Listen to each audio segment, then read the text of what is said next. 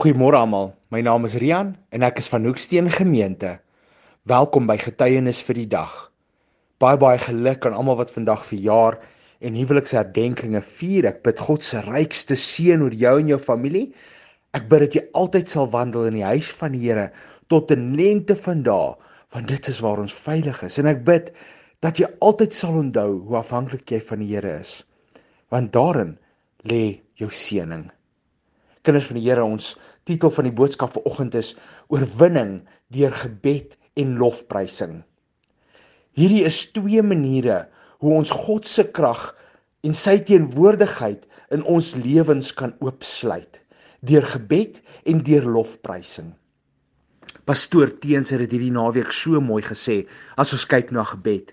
Het hy vir ons geleer dat God se krag en God se wil en God se wonderwerke vir my en jou lewens kan net begin, kan net oopgesluit word wanneer ons bid. Wanneer ons nie bid nie, dan maak ons die deur toe vir God se teenwoordigheid en sy krag in ons lewens. As ons kyk na Matteus 7 vers 7 tot 8, dan sê Jesus hierso vir ons by die bergpredikasie: Bid en vir julle sal gegee word. Soek en julle sal vind. Klop en vir julle sal oopgemaak word. Want elkeen wat bid, ontvang, en hy wat soek, vind, en vir hom wat klop, sal oopgemaak word. Wat 'n pragtige belofte gee Jesus nie vir ons nie. Maar kinders van die Here, ons moet ook onthou dat dit bid is in lyn met die woord van die Here. Ons ons ons lees in Jakobus. In Jakobus 4 vers 3 word daar gesê: "Julle bid en julle ontvang nie, omdat julle verkeerd bid, om dit in julle welluste deur te bring." Dis daai gebed kinders van die Here wat selfsugtig is, wat wat nie in lyn is met die woord van die Here nie, wat die wat God nie kan antwoord nie. Ons moet bid in lyn met die woord van God en sodoende word sy krag in ons lewens en sy teenwoordigheid in ons lewens geontsluit.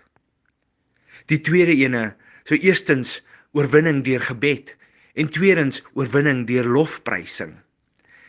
In Psalm in Psalm 22 vers 4 lees ons: "Tog is U die Heilige wat woon onder die lofsange van Israel." So kinders van die Here, daar waar ek en jy die Here lofprysing bied, waar ons waar ons sing en waar ons optree en wat ons praat tot lofprysing van die Here. Dit is in daai oomblik, in daai in daai gebed en daai daai sang wat jy doen, Daar lewe die Here. Dis waar God in jou lewe wil wees, daar in jou lofprysing. As ons kyk na die mure van Jerigo, toe die toe die volk in die in die in die beloofde land instap en hulle kom by Jerigo en die Here sê vir hulle vir 7 se 7 dae lank gaan julle om hierdie mure stap en die sewende dag as julle uitroep kyk wat gebeur En kom ons kyk 'n bietjie. In Josua 6 vers 20 lees ons wat gebeur toe hulle uitroep en hulle hulle lofprys die Here deur hulle krygerskreet. En dit sê dit sê die volgende: Toe skreeu die volk en hulle het op die horings geblaas. En toe die volk die geluid van die horing hoor, het die volk 'n groot krygerskreeu aangehef en die muur het op sy plek ingeval en die volk het in die stad geklim elkeen reg voor hom uit en hulle die stad ingeneem. Toe hulle die Here lof prys, toe hulle toe hulle uitroep en daai kry geskreet, toe word God se krag in hulle lewens ontsluit in daai oomblik. Kinders van die Here, gebed en lofprysing. Dit is twee van die wapens wat ons het in ons arsenaal om God se krag en sy teenwoordigheid in ons lewens te ontsluit. Ek wil graag vir ons afsluit met Psalm 145. Kom ons kom ons luister 'n bietjie na hierdie loflied van Dawid wat hy die Here bied. En kom ons dink 'n bietjie daaraan vandag en ons ons gaan uit in ons lewens ons lewe hier volgens en ons dra dit uit met ons met ons met ons aksies en met ons woorde en oralste waar ons gaan dit mense vandag God kan ervaar omdat jy gebid het daarvoor en omdat jy hom loof en prys in jou lewe. Ons lees Psalm 145 vers 2 tot 16. Elke dag wil ek U loof en U naam prys vir ewig en altyd. Die Here is groot en baie lofwaardig en sy grootheid is ondeurgrondelik. Die een geslag prys U werke by die ander en hulle verkondig U magtige dade. Ek wil spreek van die glans van die heerlike majesteit en van u wonderlike dade. En hulle sal spreek van die krag van die vreeslike dade en die grootheid wil ek vertel. Hulle sal die gedagtenis van die groote goedheid laat uitstroom en jubel oor u geregtigheid. Genadig en barmhartig is die Here, lankmoedig en groot van goedertierendheid. Die Here is vir almal goed en sy barmhartighede is oor al sy werke.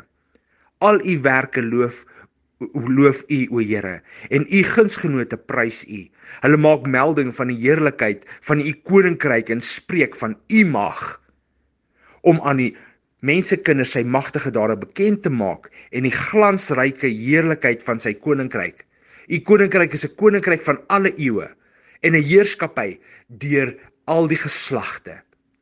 Die Here ondersteun almal wat val en hy rig almal op wat neergebo is.